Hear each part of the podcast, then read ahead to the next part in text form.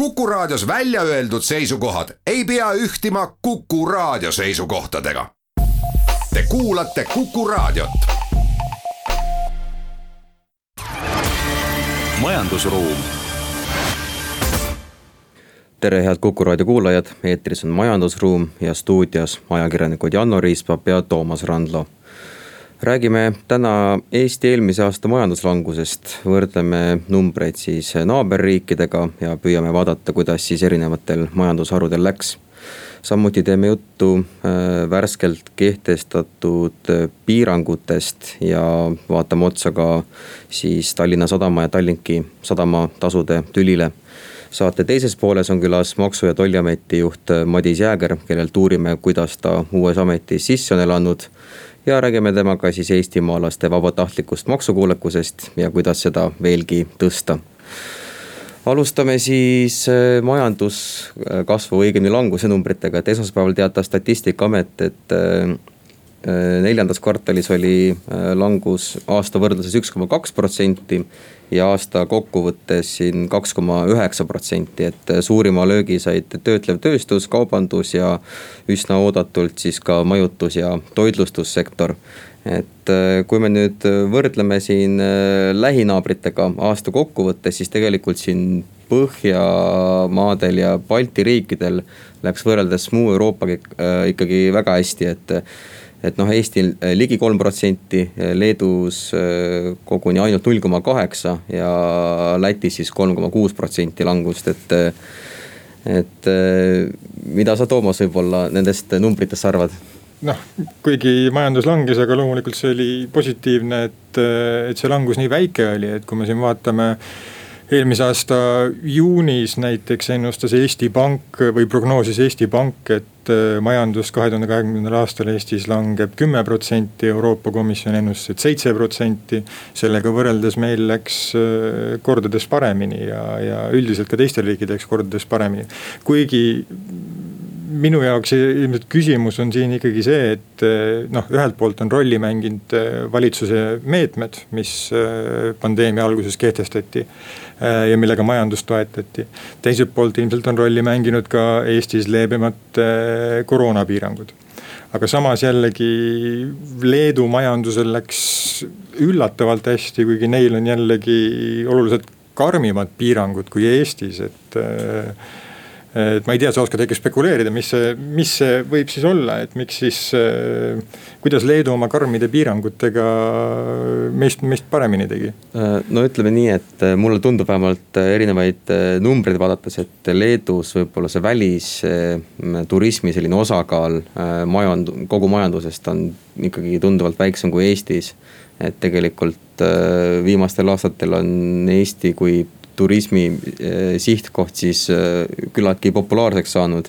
ja need erinevad liikumispiirangud, eh, mis siin kehtestati ja riikide vahel olid, et see ju lõid kogu teenindavale sektorile sellise väga-väga suure põntsu, et. Leedus noh, jah, mäletame, et neil möödunud aasta lõpus olid ju umbes sarnased nakatumisnäitajad, mis meil praegu viimastel päevadel olnud on. siin tuhat ja rohkem, eks ole, et võib-olla just see on see aspekt, et võib-olla on ka see, et kogu see võib-olla mm, Balti riikidele oma, on omane selline kohanemisvõime, et selline suurtele šokkidele, mida ka tegelikult äh, ökonomistid tõid välja, et äh, et saame kiiresti nii-öelda, vaatame, kuidas olukord on ja saame kiiremini reageerida ka, et kuna oleme võrdlemisi väikesed majandused. jah, siin kui võtta see kui rääkida nüüd eelmise aasta neljandast kvartalist, siis äh, Eesti majandus langes äh, vägagi vähe, et siin ilmselt, noh, siin võib selgelt näha mõju leebemates piirangutes. Äh, et need on aidanud majandust töös hoida samal ajal kui teised riigid olid võrdlemisi karmide piirangute peal. aga nüüd oleme jällegi meie olukorras, kus erinevalt teistest Euroopa riikidest, kus läheb äh, nakatumine alla, meil läheb see nüüd üles. ja teised Euroopa riigid tulevad piirang, teevad piiranguid leebemaks, meie teeme piiranguid karmimaks. et nüüd saab olema huvitav näha, mis saab nüüd äh, meil nüüd siin esimeses ja, ja noh, ilmselt mõjutab see ka teist kvartalit, et äh, et ma arvan, et siin poole aasta pärast võib-olla majandustulemusi vaadates äh, noh, võib-olla ma olen liiga pessimistlik, aga ma kardan, et Eestil võib-olla läheb veidi kehvemini kui, kui meie naabritel siin, kes piirang, kes. ei no selles suhtes jah, et äh, kui me võtame esimese kvartali, siis mäletatavasti eelmine aasta märtsi, vist oli kaksteist märts vist kehtestati eriolukord, tehti piirangud. et äh, noh, see on paar nädalat esimesest kvartalist, mis nii-öelda mõjutas siis, äh, eks ole, majandust. et praegu esimene kvartal ilmselt tuleb Äh, suurem kukkumine, aga teine kvartal Eestil tegelikult oligi ja kogu Euroopas oligi selline nii-öelda koroonakvartal, et seal on juba see nii-öelda madal võrdlusbaas ees ja siis. noh, sealt nagu väga palju rohkem kukkuda ei ole ja jällegi, et tegelikult ka majandus on ümber kohanenud, et äh, väga palju. näiteks jaekaubandust oli nüüd äh, üha rohkem internetti ja, ja siin on ka tehtud mitmeid ümberkorraldusi, eks ole aga jah, et kui nüüd need piirangutest siin rääkida lähemalt, siis meil on siin nüüd, mis viimase nädala jooksul esmaspäeval jõustusid meil eh, veits karmimad piirangud ja laupäeval jõustuvad uue, uued piirangud. mis siis äh, mõjutavad ka ettevõtlust oluliselt, et äh, kaubanduskeskuste lahtiolekut piiratakse ja toitlustuskohti ja, ja. ja üldiselt ma veidi siin ilmselt kritiseerin valitsust selles osas, kuidas nüüd üldsegi on kommunikeeritud, sest äh, kui toitlustusettevõtted saavad siin argipäevadel kella kuueni lahti olla ja noh, kaasa müüa saavad ikka kogu aeg, siis see nädalavahetuse osa tundub olevat vägagi segane, et kuidas see lahtiolek on, et kas nad siis saavad üldsegi kaasa müüa toitu või peavad nad täiesti kinni olema, et olen juba kuulnud ka, et siin kaubanduskeskused ise ka on segaduses, et äh, mis üldsegi saama hakkab, et. et kuidas sinu meelest valitsus on seda kommunikeerinud siin ja, ja, ja kuidas üldsegi ettevõtjad, kuidas ettevõtjad seda näevad? no, äh, no ütleme siin äh, veebruari lõpus, mis pandi piirangud, et märtsikuu lõpuni, mis kehtivad spaadele, veekeskustele, need olid natukene võib-olla arusaadavamad Äh, et oli selge, et mingid asutused, äh, nende tegevus on tugevalt äh, piiratud märtsi lõpuni. aga nüüd on tõesti päris mitu teadet järjest tulnud ja selles suhtes mulle jäi ka natuke segaseks ja ma pigem ise käitun isiklikult selliselt, justkui need piirangud oleksid rangemad, et ma, ma jah, et püüan oma nii-öelda sisseostud ja asjad ajastada selliselt, et need mahuksid nende piirangute sisse. ei, see on kindlasti õige suhtumine, aga, aga jah, et see selline noh, ütleme nii, et valitsuse sõnumid ei ole väga head, eriti veel äh, sellises olukorras, et kus siin, kui tuleb järjest nagu uusi piiranguid, siis inimestel tekib segadus, ettevõtetel tekib segadus. ja ma arvan, et kui valitsus seni on üritanud äh, just majandusele mõeldes hoida võimalikult leebeid piiranguid.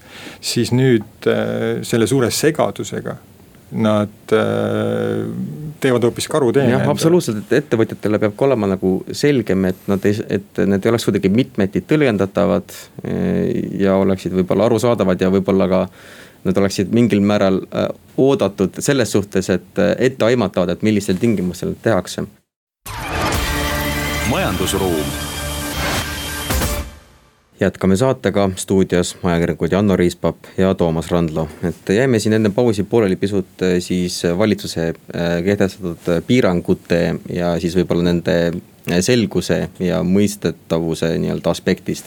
et kas võiks olla ikkagi kogu ühiskonnale selles suhtes võib-olla seada mingi eesmärk, et me hoiame nakatumise mingil tasemel ja kui me ei suuda seda hoida, siis me hakkame järk-järgult majandust sulgema jah, noh iseenesest tähtajad või sellised kampaaniad võib-olla isegi töötaksid hästi, kuigi mulle tundub, et nüüd on ilmselt selle tegemiseks veidi, veidi liiga hilja, aga, aga. noh, tagantjärgi tarkusena võib siin rääkida, et noh, võib-olla mingi, kui see, kui need numbrid hakkasid siin üles minema kuu või umbes nii tagasi, kui nad hakkasid eriti järsult üles minema, siis äh, oleks valitsus pidanud kiirelt reageerima ja, ja noh, näiteks teinudki, et nii. Kuu aega lähevad need, need ettevõtted kinni. teeme kampaania sada päeva, kanname kõik kohustuslikult maske selleks, et me saaksime ilusti suve nautida, et me saaksime selle, need koroonanumbrid alla. sest mulle tundub, et praegusel hetkel paljud inimesed võib-olla ka mõtlevad, et eelmise aasta näitel, et suvel läksid koroonanumbrid alla, aga, aga noh, nad läksid alla ka sellepärast, meil olid need suhteliselt väiksed võrreldes praegusega. et kui me praegu paneme samamoodi iga päev tuhande uue nakatunuga suveni, siis ega meil suvel nüüd väga palju alla ei lähe. et et seega selles mõttes noh, loomulikult võib siin targutada, et valitsus oleks võinud äh, rohkem läbi mõelda, tulla konkreetsemate piirangutega, aga. aga praegusel hetkel jah, oleme selles olukorras, kus me oleme nüüd tegelikult peaks valitsus hoopis hakkama konkreetselt mõtlema ka, ka nende sektorite ja, ja ettevõtete toetamisele, et. Äh, jah, et võib-olla just noh, kui mõelda kaubanduskeskuste sellisele eneseregulatsioonile, nad tegid ettepaneku, et jah, me püüame viiruse leviku tõkestamiseks siis Äh, kehtestame selle maski kohustuse, palkame turvamehi juurde, nad kontrollivad seda. et, et miks need äh, nii-öelda ettepanekud tulevad alles siis, kui neid ähvardabki kinnipanek, et, et sellele oleks võinud ju näiteks kasvõi ma ei tea, möödunud aasta lõpus nagu mõelda, et meil nakatumine kasvab ja kui ta läheb üle mingisuguse teatud piiri, et see on pandeemiline või epideemiline või mis iganes muu näitaja. et me võikski seda nii-öelda vältida ja hakata nii-öelda hoidma enda äri nii palju töös kui vähegi võimalik ja see oleks, see oli, on kindlasti asi, millele oleks pidanud mõtlema, et ma ise ka siin äh, kas see oli nüüd üle-eelmine nädal vist äh, käisin ühes kaubanduskeskuses päevasel ajal. no ma arvan, et ma ei liialda, kui ma ütlen, et ligi kolmandik inimestest ei kandnud seal maske, et, äh, et oli näha, et inimestel on kõrini, inimesed ei viitsi aga jah, kui oleks võinud, noh nüüd on muidugi pandud turvamehed välja, kes seda kontrollivad, aga tegelikult oleks võinud sellele mõelda jah, juba kuu, kaks, kolm tagasi, et, et me oleme veits oma aruteludes praegu ja ühiskondlikes diskussioonides maski kandmise ja, ja kõikide teiste piirangute osas. samas kohas, kus kõik ülejäänud riigid olid umbes pool aastat tagasi, seal peeti need diskussioonid siis läbi, siis kui nemad hakkasid karme piiranguid tegema, et. jah, et äh, ilmselgelt jällegi siis kõiksugu ettevõtlus, esindusorganisatsioonid ootavad äh, riigilt äh, sulgemistoetuseid, eks ole. kuigi siin väga paljud on takerdunud äh, erinevate bürokraatlike asjade taha, et siin näiteks kui siin spaad suleti juba möödunud aasta lõpus, sisuliselt siin detsembri keskpaigast kuni jaanuari lõpuni vist oli näiteks Ida-Virumaal suletud. et siis seal paljud suured ettevõtted jäid nii-öelda toetuseta, kuna seal tulid riigiabi reeglid mängu. ja siis eh, seal pidi jälle vaeva nägema nii-öelda suhtlema seal Euroopa Komisjoniga, et kuidas me tõstame sealt võib-olla sellest kuidagi vähese tähtsusega abi alt selle meetme Covid abi alla. millega ta on paindlikum ja seal ei tule mingisugust nii-öelda toetuse piirmäära, eks ole. Et, et, et noh, muidugi väiksemad ettevõtted kõik said, aga seal nagu see piirmäär just mõnedele väga suurtele ettevõtetele tulid ette ja siis nad olidki hädas, et et hoia siin aasta jooksul, eks ole, kolm-neli kuud sisuliselt äh, oma tegevust kinni, ülejäänud aja on sul viiekümne protsendiline täituvuse nõue ja püüa siis, eks ole, hakkama saada, eriti valdkonnas, mis on selline madala marginaaliga, väga tööjõumahukas äh, ja kus väga tihti peadki konkurentsis püsimiseks nii-öelda kasutama suurt finantsvõimekust, et noh, selles madalate intressimäärade keskkonnas, kus me oleme, et et äh, võib-olla seda selgust jah, et aga noh, arusaadav on ka see, et riik ei saa lõputult nii-öelda erasektori kahjumit kinni maksta, et. see pole mõeldav, et nüüd töötukassa siin juba nii-öelda vaatab neid uusi meetmeid, et äh, kuidas kõige paremini ja sihitult äh, seda teha, et sellist üldist nagu siin möödunud aasta kevadel, suvel oli, et seda ilmselt ei tule enam jah, muidugi ta on, et eh, noh, lisaks nendele, mis sa ka välja tõid, on äh, loomulikult see vaene turismisektor, mis on juba varsti nüüdseks aasta aega pidevalt rääkinud seda, et nad on suures hädas ja noh, eks nad ongi suures hädas. aga nüüd, kui meil siin laupäevast jõustuvad karmimad piirangud, äh, siis see toob eriti valjuks, muudab need hääled, kes hüüavad, et valitsus peab toet- või riik peab toetama ja, ja noh, töötukassa nõukogu on siin viidanud ka, et äh, need et see toetus siin ilmselt peaks äh, või kuu lõikes tuleb viiskümmend või, või enam miljonit eurot kuus, et mida ettevõtted vajavad nende piirangute tõttu, aga, aga noh nagu, nagu sa ütlesid, et äh, ega riik ei saa ka jah lõputult, et kes ja riigil noh. jah, et äh, võib-olla, et kui siin turismisektorini jõudsimegi, siis äh, teadupärast ilmselt kõige parem lakmuspaber sellele, kuidas sellel sektoril läheb, on meie suur laevafirma Tallink, mis on siis, äh, veab tegelikult väga palju reisijaid ja turiste meile siia kogu Eesti majandusse. ja nüüd esmaspäeval siis saigi teatavaks, et nad on läinud Tallinna Sadama vastu kohtusse, kuna nende arvates on siis Vanasadama tasud äh, põhjendamatult kõrged. et neil on ka mingisugused äh, eksperthinnangud tehtud siin äh, mingisuguste kriteeriumide põhjal, mis, et siis kakskümmend protsenti on umbes see, mida siis võiks olla enam makstud, et see puudutab aastaid kaks tuhat seitseteist kuni kaks tuhat üheksateist ja see nõude suurus on siin suurusjärk viisteist miljonit eurot. et aastas umbes viis miljonit eurot leiab siis Tallink, et ta on liiga palju maksnud et äh, mida me nagu selle kohta nagu oskame arvata, eks ole, et arusaadavalt äh, äh, laevaoperaatorite jaoks on mis tahes kulud kallid, aga Tallinna Sadam samas soovib saada ka võib-olla enda arvates õiglast hinda. ja siin on toodud erinevaid näiteid, et mida sa sellest arvad?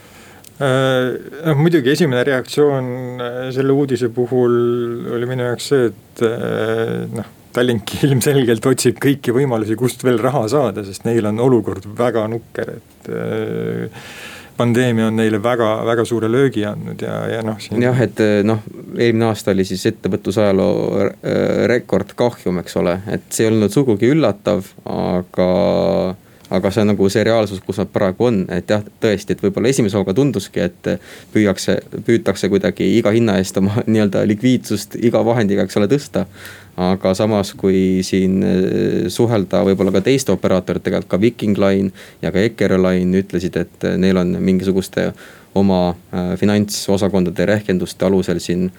Nende arvates on ka võrreldes siin Tallinna või, või tähendab võrreldes Helsingi või Stockholmiga need tasud kõrged. et siis võib-olla see Tallinki väide nagu nii alusetu ei olegi, et noh, muidugi siin Tallinna Sadama juht Valdo Kalm tõi välja, et võrreldes teiste riikidega absoluut Äh, numbrites on äh, need äh, Vanasadama tasud on madalamad. aga samas siin jällegi infrastruktuuritasud on üsna sellised keerulised koosnevad väga mitmetest komponentidest, nende hinnastamise alused on erinevad. kas me võtame seal aluseks mingi laevakülastuste arvu, mingisuguse netotonnaaži või sihuke noh, et seal on tõesti neid varjundeid on väga-väga palju aga samas jällegi Tallinki puhul tekib see küsimus, et nad räägivad aastatest kaks tuhat seitseteist kuni üheksateist. aga miks nad nüüd kohtusse lähevad, miks nad aasta tagasi kohtusse läksid? sellepärast, et möödunud nädalani, nagu me teame, siis neil olid kompromissläbirääkimised, et püüti nagu kuidagi kokkuleppele jõuda selles asjas. et kui jah, täpselt, et kui me mõtleme, et kaks tuhat seitseteist kuni kaks tuhat üheksateist olid vaidlusalused aastad ja eelmine aasta, ehk siis kaks tuhat kakskümmend kevad plaanis Tallink hakata linnahalli ehitama oma reisisadamat. siis see plaan tegelikult on nüüd täiesti uues valguses. et noh, plaanide kohaselt taheti ju linnahalli teha reisisadam. kogu investeeringu maksumus oli seal suurusjärk kolmsada miljonit eurot, eks ole. ja viis miljonit Tallinna-Helsingi äh, liinil reisijat oleks siis toodud Vanasadamast ära. et see on tegelikult äh, pooled reisijad, kes praegu Vanasadamas noh, ütleme, kui tavatingimustes, kui me nüüd seda koroonapandeemiat arvesse ei võta.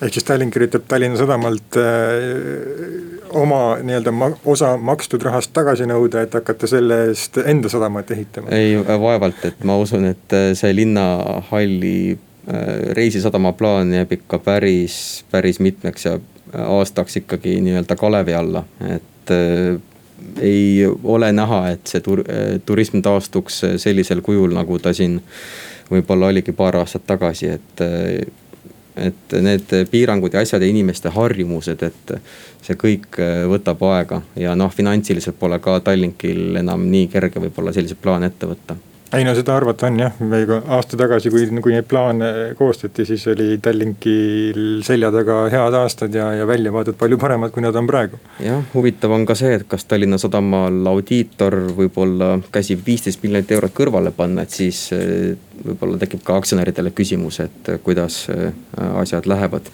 aga kuulame vahepeal uudiseid, jätkame pärast pausi, kui meiega liitub maksuameti peadirektor Madis Jääger. majandusruum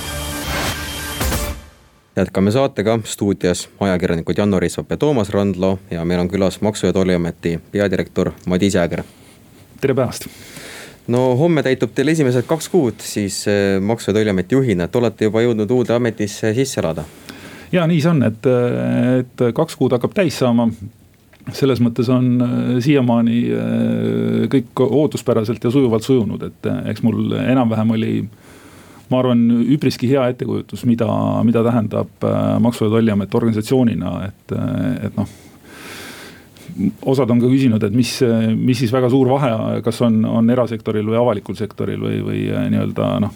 minul kui kontsernijuhina, ühe börsi, börsiettevõtte juhina tulla, tulla Maksu- ja Tolliametit juhtima, et see on noh, maksuametis, Maksu- ja Tolliametis täna on kuskil tuhat kolmsada väike pluss äh, töötajat, et, et suur organisatsioon ja nii edasi, et ähm, et äh, eks, eks nad on olnud äh, paljuski ka võrreldavad, et, et noh, sellist aukartust või, või väga ootamatuid olukordi mm -hmm. selle, selle paari kuu jooksul äh, tulnud ei ole, jah avalikkusele oletegi kõige paremini võib-olla tuntud hasartmängukontserni Olympic Entertainment Grupi endise juhina. et olete töötanud ka kümme aastat audiitorina, kumb kogemus teie arvates võib-olla praegu rohkem kasuks on tulnud? noh, ma niimoodi otseselt äh, emba-kumba isegi ei eelistaks, et, et noh, ütleme see audiitori kogemus jääb ikkagi päris, päris nagu kaugesse minevikku. et loomulikult aitab kindlasti kaasa sellest, et saada aru, mis, mis on noh, näiteks maksuaudit või, või järelevalve või sise, sisekontroll ja säärased teemad ja, ja maksud üldisemalt.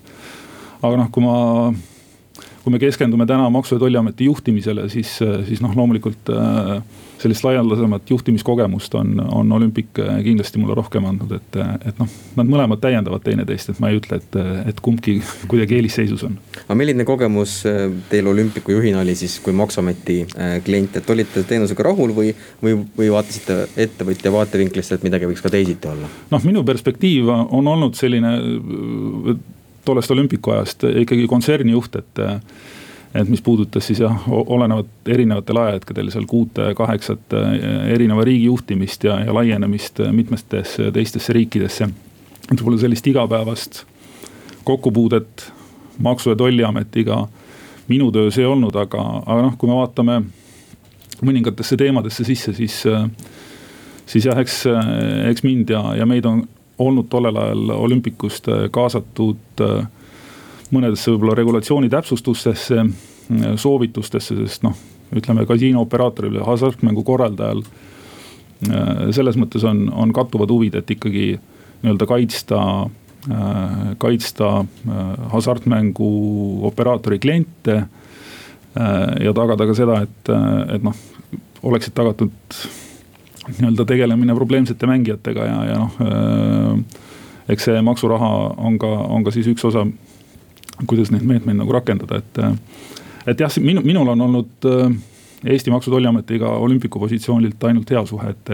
et noh, ma olen tajunud seda, et ta on ikkagi nii-öelda kliendi, kliendi teenindaja äh,. mitte selline rohkem repressiiv või kontrollorgan, et, et noh, see on olnud äh, jah, peamine selline kogemus milline võib-olla teie selline suurem eesmärk võiks olla nüüd eh, selle viieaastase ametiaja jooksul, et mida te võib-olla isiklikus plaanis võib-olla näete sellise suure asjana, mille võiks ära teha? noh, niimoodi on eh, täna, täna ilmselt veidi raske ka midagi väga uut välja tuua, ma arvan, et need sammud, mis, mis siin eelnevalt on ette võetud, et need on olnud äh, on olnud õiged, noh küsimus võib-olla puudutab äh, mingisuguseid väiksemaid fokusseerimisi teatud tegevustel, aga, aga üldine, üldine märksõna on ikkagi jah, selline orienteeritus äh, heale sujuvale klienditeenindusele. kliendiks noh, kliendiks on äh, lõpuks Eesti kodanikud ja Eesti ettevõtjad, et, et nende jaoks oleksid need teenused mugavalt kasutatavad.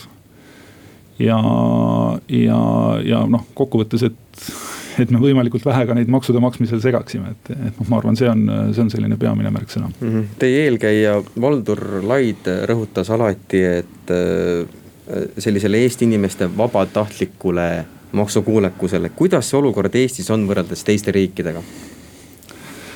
noh, siin võib-olla avaks korra natukene laiemalt selle teema, et miks, miks see vabatahtlik äh, maksekuulekus on oluline. et kui me vaatame noh, maksuameti sellist funktsiooni, siis noh, ütleme, tal on laias laastus kaks ülesannet, et esiteks koguda kokku maksud ja, ja teiseks siis tagada võrdne konkurents turul, turul olevate ettevõtjate ja, ja, ja kodanike vahel.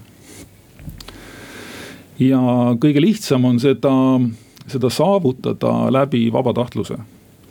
et noh, kui me võtame ma ei ole nüüd mõelnud, kas see on nüüd maailma parim näide, aga, aga näiteks selline noh, ühistranspordis pileti ostmine et, et noh, kui, kui reisijad ikkagi vabatahtlikult kõiki pileteid ise ostavad, siis, siis piletitulu korjamine on ilmselt kõige, kõige lihtsam. ja, ja maksudega on samamoodi, et kui, kui teadvustada seda, et maksude maksmine on oluline, teha see võimalikult lihtsaks kõikidele kodanikele, ettevõtjatele, siis on, siis on maksude kogumine Äh, samamoodi lihtne ja, ja tõhus ja efektiivne ja, ja, ja lõpuks riik äh, kulutab selle maksu kogumise peale vähe, vähe raha. kui sealt nüüd edasi minna, siis noh, kuidas seda, kuidas seda kõike äh, tagada, on üks, üks on siis teadvustamine, harida inimesi maksude maksmisest ja, ja teine, teine suund, millele me siis keskendume ja hästi oluline on siis, siis pakkuda neid mugavaid teenuseid et noh, Eesti Maksu- ja Tolliamet on ütleme, selline teejuht olnud äh, mugavate e-teenuste äh, rakendajana.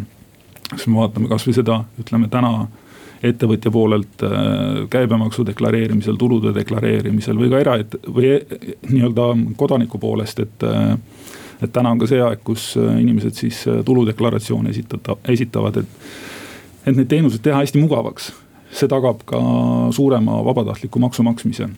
ja kui me nüüd lähme sealt edasi sellest äh, nii-öelda järgmisse ringi, siis, äh, siis noh, on teatud inimesed, kes ei oska teha või, või ettevõtjad, kes ei oska õigesti makse deklareerida, kes vajavad natukene aitamist, õpetamist. et noh, need on juba need tegevused, mis on natuke rohkem isikustatud. ja kui sealt veel edasi minna, siis on noh, need, kes nii-öelda eksivad, kes võib-olla ei taha korrektselt ja noh, toome selle ühistranspordi näite juurde tagasi, et need, kes ei taha piletit osta, noh neid tuleb kontrollida. millised on need suuremad murekohad, kus nagu tahetakse maksudest kõrvale hiilida, ettevõtjad või inimesed? no siin, siin on jah, jälle nagu mitmed valdkonnad, et, et et noh, kui küsida, et kuhu, kuhu see kontroll fokusseerub, siis või kus, kus tahetakse leida mingeid optimaalsemaid, noh, ma ei ütle isegi optimaalsemaid, aga võib-olla selliseid pettuse versioone, siis äh, eks need on äh, laias laastus nagu äh, kahte valdkonda jagunevad, et on käibemaksupettused ja, ja, ja ümbrikupalgad. et need, need valdkonnad on, kus, mis mõnes mõttes käivad teinega, teineteisega nagu ka käsikäes, et, et. kui suur ümbrikupalga probleem teie hinnangul praegu Eestis on? noh, ümbrikupalga probleemi võib võib osaliselt mõõta numbriliselt ja osaliselt tunnetuslikult, et äh, noh, üks näitaja, mida, mida meie ja mida ka riik siis äh, jälgib, on, äh, on nii-öelda maksuaugu suurus ja maksuauk on siis noh, nii-öelda teoreetiliselt riigile saamata jäänud maksutulu arvestus. noh, meie eesmärk on olnud hoida seda kuskil alla viie protsendi. ja eelmisel aastal siis see oli jah, ütleme selline arvestuslikult oligi ta neli koma üheksa protsenti ehk suurusjärgus kolmsada kaheksakümmend kaks miljonit eurot, et ja kui see nii-öelda selle käibemaksu ja, ja, ja ümbrikupalga peale laiali lüüa, siis eks umbes sada kolmkümmend viis miljonit on need mõlemad tükid olnud ja noh, seal ülejäänud maksuauk on siis, siis muud teemad, et, et ta on, on ikkagi aktuaalne suur, aga noh, jällegi ega me ei pea nagu alati võrdlema siin teiste Euroopa Liidu riikidega, et et mida ma saan öelda, et me oleme kindlasti selle efektiivsuse poolest esirinnas, et äh, noh, siin erinevatel hinnangutel muudes riikides on see maksuaugu suurus kuskil äh, kümme pluss protsenti, et. Äh, aga kas mm -hmm. koroonakriis on ümbrikupalga osakaalu suurendanud? me täna seda otseselt ei tunneta ja ma arvan, et siin on noh, ka mitmeid, mitmeid põhjuseid alustades võib-olla kõige sellest varasemast, et, et koroonakriisis äh, noh, üks, äh, üks äh, oluline aspekt, mis sellele maksukäitumisele on ka kaasa aidanud, on, on äh, enam-vähem aasta tagasi tulnud nii-öelda sõnumid, et, et neid maksumaksjaid, kes on ausalt siis makse tasunud, et neid riik ka toetab ja palgatoetusi on eelnevalt välja makstud ja, ja noh, nende säraseid toetusi tõenäoliselt tuleb veel. ja noh, need alusandmed, kus, millest siis lähtutakse, et kellele toetusi maksta ja kui palju on noh väga objektiivne suurus ongi nii-öelda minevikuperioodil äh, makstud, äh, makstud äh, maksud töötasudelt. et selline, selline lähteloogika kindlasti aitab, aitab jälle teadvustada, et miks maksude tasumine on oluline, et juhul kui täna ettevõtjad jäävad raskustesse, siis nad saavad aru, et noh, nad on nii-öelda oma, oma kohustused minevikus ka täitnud ja, ja nüüd on neil abikätt riigilt oodata, et. teeme siit Äh, lühikese pausi ja räägime maksukuulekusest pärast seda. majandusruum stuudios ajakirjanikud Janar Isvap ja Toomas Randlo ja külas Maksu- ja Tolliameti peadirektor Madis Jääger. no enne pausi rääkisime maksukuulekusest, aga võib-olla tuleks ka sellise eestlaste nii-öelda rahvuspüha juurde, milleks on tulude deklareerimine. et mida sel aastal võib-olla äh, sellist teisiti oli ja kuidas te sellele tagasi vaatate? ega kõik on olnud suures pildis ju samamoodi, väga mingeid erilisi muutuseid äh, selle aasta tulude deklareerimisel ei olnud nii nagu äh, te ise mainisite ka, et äh, ta on olnud selline rahvusspordi või rahvuspüha, püha mõõtmetega äh, üritus, mis siis, kus see peamine fookus või, või selline teravik on suunatud nendele esimestele päevadele, kus, kus on väga palju deklaratsiooni esitajad. Ähm, ma arvan, et sellel aastal on veidi võib-olla erinev see, et eks meie kommunikatsiooni tulemusena ja ilmselt ka väga külmade ilmade tulemusena, vähemalt nendel esimestel päevadel meie teeninduspunktides järjekorrad olid lühemad, ehk siis ma räägin nendest inimestest, kes tulid deklaratsiooni esitama füüsilisel või paberi, paberkujul. aga suures plaanis on jah, need esitajate arvud, äh, summad äh, üsna sarnased eelne, eelnevatele aastatele, et noh, tänase hommikuse seisuga viissada nelikümmend kaks äh, tuhat deklaratsiooni on esitatud. Ja paberdeklaratsioone circa neli-viis tuhat, et need suurusjärgud on enam-vähem võrreldavad, et siin selles mõttes mingi, mingisuguseid erilisi, erilisi teemasid ei ole ja. et selline paberil käia, käib endiselt täitmas siis selline suurusjärk üks protsent umbes no kokkuvõttes äh, ma arvan, et see äh, arv ikkagi suureneb, et kui me vaatame eelmist aastat, siis, äh, siis ta on olnud enam-vähem nelja protsendi ümber. et kokku eelmisel aastal oli seitsesada kuuskümmend tuhat deklaratsiooni ja, ja mälu järgi ütleks kolmkümmend tuhat või kakskümmend üheksa tuhat millegagi oli paberdeklaratsioone, et jah, et siin kuulutati välja see nii-öelda, et millal saab hakata esitama, aga alati need kärmemad ja kiiremad juba avastavad, et tegelikult päev varem on võimalik seda tegema hakata, et millise pilguga üldse maksuametis selle peale vaadatakse? Noh, me oleme jah avanud äh, internetikeskkonnas äh, võib-olla selline pool päeva või päev varem, et äh,, et päris nii-öelda live keskkonnas äh, noh, on siis ka näha, mismoodi see testimine või, või de deklareerimine pihta hakkab. et ega noh, mina vaatan seda hea pilguga, et inimesed ikkagi seda teevad. siin on alati need küsimused, et, et esimestel päevadel on äh, koormused meie e-keskkonnale üli-ülisuured ja, ja tuleb alati leida selline hea balanss, et kas, kas siis seda IT-võimekust ja, ja kõike suurendada ainult selleks üheks päevaks, et ähm, et ma tean, et see on selline natukene sümbolteenus Eesti kodaniku jaoks, aga, aga, aga tihtipeale see raha, raha ja energia ressurss, mida siis peaks suunama selleks, et kõik kodanikud saaksid täiesti tõrgeteta sellisel esimesel päeval oma deklaratsiooni esitada, et see.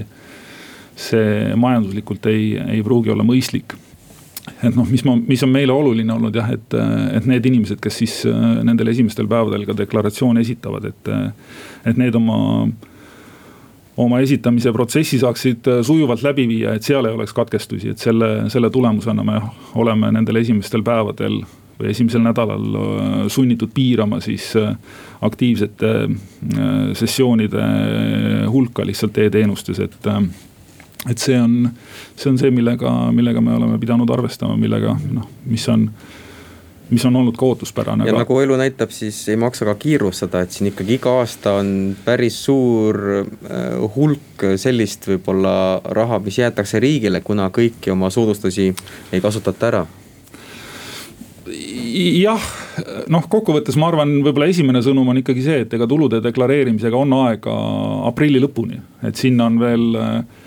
Kui me vaatame tänasest noh, ligi hakkame siin arvutama peaaegu kaks kuud või selline viiskümmend pluss päeva. et sinna veel aega on, kuigi tänase seisuga jah, kui me lihtsalt võrdleme seda eelmise aasta baasis, võib-olla kakssada tuhat deklaratsiooni ootame veel, ehk siis võib-olla üks kolmandik, mis tänaseks on esitatud et äh, ma arvan, seda kodanikuna seda deklaratsiooni sunnib äh, esitama noh, või kiirustab esitama võib-olla kaks sellist motivaatorit, et noh, üks asi on, mis tehtud on, see tehtud, et siis on need asjad unustatud ja saab tegeleda järgmiste asjadega, mis iseenesest on väga positiivne hoiak ja teine, kui on ikkagi raha tagasi saada, noh siis, siis tuleb ka seda tagasi küsida. Kes ja miks üldsegi tänapäeval veel paberkujul deklaratsiooni esitavad? ja veel eriti praeguses olukorras tahavad seda MTA-s kohapeal teha noh, kui me vaatame nende külastajate või kodanike profiile, siis nad äh, on ikkagi äh, keskmisest vanemaealised. ja, ja ma arvan, keelebaasilt saab ka välja tuua noh, ma ei ütle, et see nüüd äh, mingid kaalud siia-sinna on, aga, aga rohkem mitte eesti keelt kõnelevad inimesed. Ja, ja ka need, kes ütleme, et ei ole Eesti riigi kodanikud, et noh, need ikkagi kipuvad tulema äh, teenindussaalidesse koha peale. Aga kui see tulude deklareerimine lahti läks veebis, siis äh, jäi mulje või tundus, et äh, kuidagi see sel aastal oli eriti aktiivne ja, ja neid inimesi lendas korraga sinna väga palju peale. et kas see tuleb kuidagi siis äh, koroonakriisist äkki, et inimesed teadsid, et neil on mingi käputäis või mingi väike hulk raha, mis nad sealt kätte saavad. ja siis see, et võimalikult kiiresti seda tagasi saada, et siis kiiresti kõik jooksid peale sinna mina seda oma statistika või nende nii-öelda sessioonide numbrite või de esitatud deklaratsioonide pealt äh, ei näe. Äh, et igapäevaselt, äh, kui me vaatame kasvõi seda esimest nädalat, siis enam-vähem need päevased deklaratsioonide esitamise arvud on väga võrreldavad varasemate aastatega. ja, ja nüüd öelda, et see on kuidagi koroonast tingitud, et inimesed olid aktiivsemad, et seda, seda ma ei näe aga kohapeal käidi ikkagi vähem kui varasematel aastatel? koha, kohapeal käidi vähem jah, eks, eks siin ma ütlen, et oli meie enda kommunikatsiooni, äh, kommunikatsiooni asi ka, et me ikkagi palusime inimestel mitte tulla. Äh, esimestel päevadel, esimestel nädalatel, et noh, nüüd on raske öelda, kas see on kuidagi soojemad ilmad või inimesed on praegu, praegu on nii-öelda järjekorrad äh, pikemad äh, ja, ja ikkagi tuleb oodata kahjuks. see jäi ka silma, et see aasta äh, raha hulk, mida inimesed peavad tagasi maksma, on tunduvalt väiksem, et kas siin on nagu kaks mitu asja, et see töötukassa palgameetmest peeti vist kohe kogu täies ulatuses mm -hmm. maksuraha kinni, pluss veel siis ja. oodatavad sissetulekud ei olnud tegelikkusega nii-öelda vastu. ja nii see noh ma ütlen, et äh, selliste lõplike järelduste tegemiseks äh, ootame aprilli lõppu ära, et äh, kui me vaatame eelmist aastat, siis umbes tagasimaksed olid jah, sada üheksakümmend miljonit eurot. siis, siis, siis vaatame, mis, mis need summad on, et et noh, tänaseks nende deklaratsioonide põhjal, mis on esitatud, on see number sada kuuskümmend kuus, aga noh, nii nagu ma ütlesin, et võib-olla suurusjärgus paarsada tuhat deklaratsiooni on veel esitamata. et ähm, et jah, siinkohal ma sellist nii-öelda prognoosnumbrit äh, hetkel ei ütle. aga kuidas te ise enda maksuvaba tulu kasutate, millises ulatuses no eks siin on, äh, ütleme suures pildis on nagu kaks võimalust, et äh, et noh, mina, minul on veel tuludeklaratsioon esitamata ja, ja, ja ei ole ka plaani seda siin lähiajal teha, et aega on aprilli lõpuni. aga aga siin on kaks võimalust, et noh, üks on ikkagi, kui on midagi tagasi saada, siis on, siis on tagasimakse. ja teine variant on äh, annetada see toetusena, mis, mis on ka täna, täna sellel tulude deklareerimisel Äh, lihtsaks tehtud ja lihtsalt jälle, kui öelda, siis tänaseks äh, ligi kaks tuhat kaheksasada inimest on seda võimalust kasutanud ja summa, mis on annetatud äh, deklaratsiooni käigus, on sada kakskümmend kolm tuhat eurot. ma küsiks veel kiiresti selle kohta, et möödunud aasta maksulaekumine vähenes siin kaks koma neli protsenti, et oli see selline üle ootuste hea, et seal oli ka väga palju selliste palgameetmete nii-öelda mm -hmm. maksupõrget või oleks saanud veel paremini? noh, see on, mina ütleks, see on küsimus rohkem rahandusministeeriumile, et, et noh kui lihtsalt taustana, kui see esialgne esialgne oodatav maksutulu oli äh, riigieelarve koostamisel äh, mingi kaheksa koma enam-vähem üks-kaks miljardit äh, eurot ja, ja lõplikult laekus seitse koma kuuskümmend kaheksa, siis, siis noh, võrreldes suveprognoosiga ta oli jah, veidi rohkem. võrreldes esialgsetega veidi vähem, aga ma arvan jah, sisulised kommentaarid või, või sellised põhjused, neid, neid tasub küsida rahandusministeeriumist. nii et jaanuarikuu laekumised peaksid ka vist selguma siin mõne päeva jooksul, et toorandmete põhjal te vist ei saa veel öelda nii-öelda, et kuidas see aasta alanud on ja et, et äh, jääme neid ootama, järgmisel nädalal peaks olema nii okei okay., aga kas olete kohtunud ka võib-olla enda siis uue ülemuse rahandusministriga, et äh, millised nii-öelda sellised plaanid on? Äh, ja oleme küll, et ega, ega rahandusministril ja kogu valitsusel on täna väga palju muid aktiivseid teemasid laual, nii et eks, eks me teeme oma asju nii hästi kui oskame ja ja nemad samamoodi. Aitäh, meil oli külas Maksu- ja Tolliameti peadirektor Madis Jääger, stuudios olid ajakirjanikud Janno Riispap ja Toomas Randlo. majandusruum